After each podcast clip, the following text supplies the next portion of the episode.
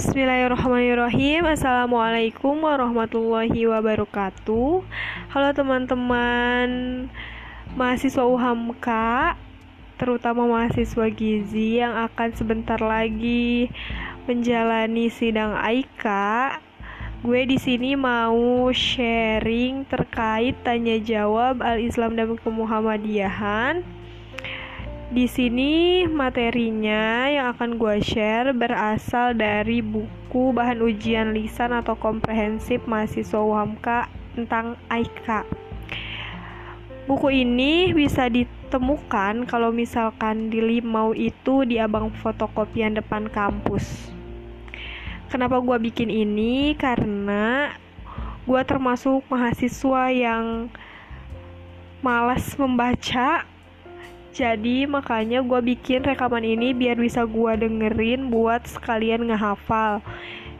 Jadi daripada cuman bisa dinikmati oleh gue sendiri, mending gue share buat kalian semua siapa tahu ada yang membutuhkan gitu ya, ada yang males baca gitu aja sih. Semoga kita bisa lulus sidang AIKA dengan nilai yang memuaskan. Amin. Oke, langsung aja. Di sini di buku ini ada beberapa daftar isi yaitu ada terdiri dari bidang al-Islam, terus bidang kemuhammadiyahan, ada bidang pendidikan Islam, bidang kesehatan dan kefarmasian, bidang Islam dan komunikasi dan juga bidang praktek ibadah. Untuk di episode ini, episode rekaman ini yang pertama gua mau share terkait bidang al-Islam. Soal dan jawabannya.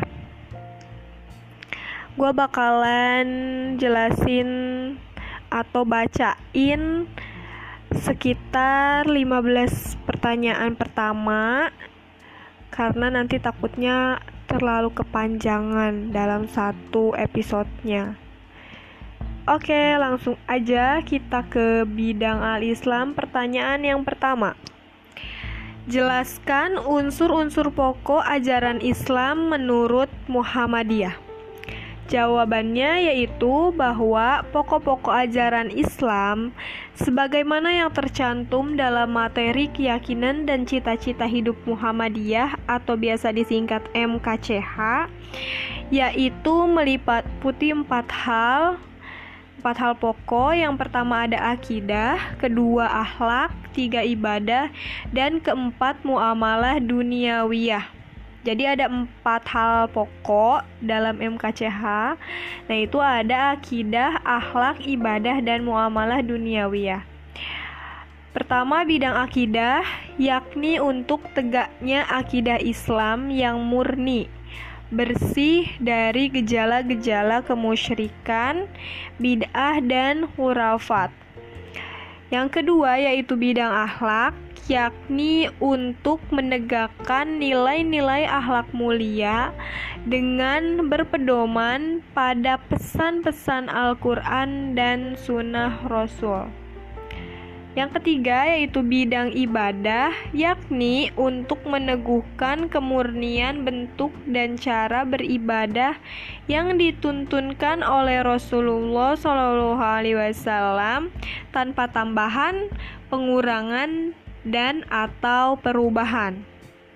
Yang keempat yaitu bidang muamalah duniawiyah, yakni untuk terlaksananya muamalah duniawiyah pengolahan dunia dan pembinaan masyarakat, alam atau lingkungan dengan berdasarkan ajaran agama serta menjadikan semua kegiatan dalam bidang ini sebagai ibadah kepada Allah Subhanahu wa taala. Oke, jadi untuk pertanyaan pertama tentang unsur-unsur pokok ajaran Islam menurut Muhammadiyah itu ada empat hal pokok akidah, akhlak ibadah, dan muamalah duniawiyah. Next, pertanyaan yang kedua. Jelaskan definisi Islam secara etimologi dan terminologi. Nah, secara etimologi, Islam berarti pasrah, tunduk, berserah diri, tentram, dan patuh. Sedangkan secara terminologi, Islam adalah agama Allah yang diturunkan kepada para nabi dan rasulnya sejak Nabi Adam alaihi salam hingga nabi terakhir yakni baginda Rasulullah sallallahu alaihi wasallam. Baginda diuru, diutus untuk menyempurnakan sebelumnya dan diperuntukkan sebagai rahmat sekalian alam.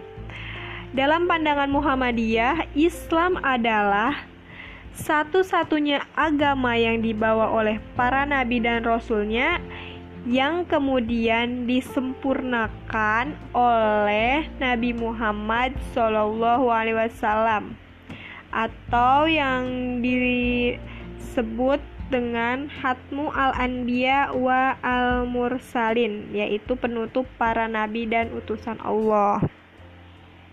Oke, okay, next. Pertanyaan yang ketiga. Apakah yang dimaksud dengan hukum Islam dan sumbernya? Jelaskan. Jawabannya, Hukum Islam adalah seperangkat aturan, ketentuan, dan panduan yang mengatur dan memandu seluruh aspek kehidupan manusia yang bersumber pada Al-Quran dan Al-Sunnah Al-Mukbullah serta ijtihad untuk mengantarkan manusia pada kebahagiaan hidup baik di dunia maupun di akhirat. Oke, pertanyaan yang keempat. Sebutkan dalil yang menyebutkan bahwa sumber hukum Islam itu adalah Al-Quran dan Al-Sunnah Al-Makbullah. Jawabannya, dalil bahwa sumber hukum Islam adalah Al-Quran dan Al-Sunnah Al-Makbullah ada pada Quran Surat Al-Jumu'ah, yaitu surat ke-62 ayat 2 dalam ayat tersebut ditegaskan bahwa Rasulullah Shallallahu Alaihi Wasallam diutus untuk mengajarkan Alkitab dan Al-Hikmah. Nah, maksud Alkitab di sini yaitu Al-Qur'an. Sedangkan yang dimaksud Al-Hikmah dalam konteks ayat ini yaitu Al-Sunnah. Oke, next pertanyaan kelima. Bolehkah hanya berpodoman pada Al-Quran saja dan mengingkari as-sunnah? Jawabannya yaitu Islam melarang umatnya hanya berpedoman kepada Al-Quran saja dan mengingkari keberadaan Al-Sunnah. Itu terdapat pada Quran Surat Al-Jumu'ah Surat ke-62 ayat 2 bahwa umat Islam diwajibkan mengamalkan kedua sumber agama Islam tersebut karena keduanya diajarkan oleh Rasulullah SAW kepada umatnya untuk dipahami, dipedomani, dan diamalkan. Oke, next pertanyaan keenam. Apa yang dimaksud dengan al-sunnah al-makbuloh? Jawabannya, Al-Sunnah Al-Makbuloh adalah Al-Sunnah yang berkualitas sohi dan hasan serta diniscayakan bisa diterima atau makbul oleh akal sehat dan yang penting tidak mengurangi keyakinan atau akidah dan juga tidak bertentangan dengan Al-Qur'an. Penambahan kata al-makbuloh di belakang kata al-sunnah ini menunjukkan bahwa Muhammadiyah menjadikan al-sunnah sebagai landasan untuk berhujah menetapkan hukum Islam. Oke, pertanyaan yang ketujuh. Apa yang dimaksud dengan Al-Quran? Jawabannya, Al-Quran adalah wahyu yang redaksi dan isinya berasal dari Allah Subhanahu wa taala diturunkan kepada Nabi Muhammad wasallam melalui perantara malaikat Jibril dan menjadi ibadah apabila kita membacanya. Pertanyaan ke-8 apa yang dimaksud dengan al-sunnah? Jawabannya, al-sunnah secara bahasa berarti tradisi atau kebiasaan. Sedangkan secara definisi, al-sunnah adalah segala ucapan, perbuatan, dan takdir atau ketetapan dari Nabi Muhammad SAW. Pertanyaan yang kesembilan, sebutkan tiga metode untuk memahami Al-Quran dan Al-Sunnah Al-Makbullah. Jawabannya, yang pertama, metode bayani adalah pemahaman terhadap Al-Quran dan Al-Sunnah dengan menggunakan ulum Al-Quran, ulum al-hadis dan usul al-fikih. Yang kedua, metode burhani adalah penggunaan ilmu-ilmu sosial dan kealaman sebagai ilmu bantu dalam memahami Al-Quran dan Al-Sunnah Al-Makbullah. Yang ketiga, metode irfani adalah pemahaman terhadap Al-Quran dan Al-Sunnah Al-Makbullah dengan pemikiran filosofis disertai pengamalan yang mendekatkan diri kepada Allah supaya lebih mendapatkan pemahaman yang sempurna. Jadi tiga metode untuk memahami Al-Quran dan Al-Sunnah itu yang pertama metode bayani, metode burhani, dan metode Irfani. Next, pertanyaan yang ke-10. Bagaimana Muhammadiyah memerankan akal dalam memahami Al-Quran dan Al-Sunnah Al-Makbullah? Jawabannya, Muhammadiyah berpandangan bahwa akal dapat difungsikan sebagai alat untuk mengungkapkan dan mengetahui kebenaran yang terkandung dalam Al-Quran dan Al-Sunnah, dan memahami maksud-maksud yang terkandung pada keduanya dengan menggunakan pendekatan bayani, burhani, dan irfani. Pertanyaan ke-11. Apakah isi Al-Quran masih relevan dengan perkembangan ilmu pengetahuan dan teknologi? Jawabannya, Al-Quran dalam pandangan Muhammadiyah adalah kitab yang isinya bersifat universal dan selalu relevan dengan perkembangan zaman dan perkembangan ilmu pengetahuan. Oleh karena itu, diperlukan penafsiran Al-Quran secara kontekstual dengan menggunakan kemampuan akal, fakta-fakta sejarah, dan teori-teori keilmuan. Pertanyaan ke-12.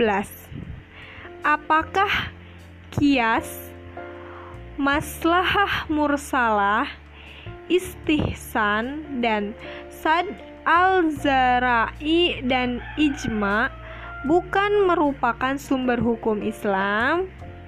Jawabannya, Muhammadiyah berpendapat bahwa kias malah maslahah mursalah istihsan dan sad al-zar'i adalah manhaj atau metode bukan sumber hukum Islam Sebab menurut Muhammadiyah, sumber hukum Islam adalah wahyu, yaitu Al-Quran dan Al-Sunnah, dan akal atau ijtihad. Kemudian pertanyaan ke-13, di manakah posisi ijma? Jawabannya, mengenai ijma terdapat dua perspektif. Pertama, ijma dipandang sebagai sebuah produk pemikiran yang disepakati. Kedua, ijma dipandang sebagai suatu proses lahirnya sebuah produk kesepakatan. Dalam konteks ini, ijma berarti menjadi salah bentuk lembaga ijtihad pada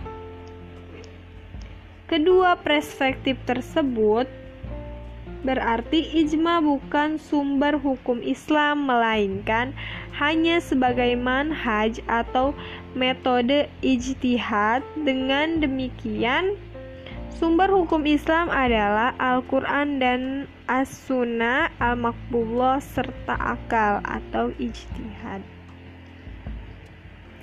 Pertanyaan ke-14 Mengapa keadaan bangsa Arab sebelum kedatangan agama Islam yang dibawa oleh Nabi Muhammad SAW disebut sebagai bangsa jahiliyah? Jawabannya, Sebelum kedatangan agama Islam, bangsa Arab disebut sebagai bangsa jahiliyah karena telah jauh dari nilai-nilai agama yang benar. Agama tauhid yang dibawa sebelum Nabi Muhammad SAW. Perkara jahiliyah tidak dipahami dalam arti lugawi, yaitu bodoh atau terbelakang, melainkan karena sebelum menerima bahkan menentang Allah. Jadi karena mereka itu belum menerima bahkan menentangnya hidayah Allah Subhanahu wa taala. Sebab pada kenyataan ketika itu bangsa Arab justru adalah bangsa yang cerdas, hafalan dan ingatannya tajam dan kuat. Oke, pertanyaan yang ke-15. Jelaskan agama-agama yang telah dianut bangsa Arab sebelum kedatangan Islam.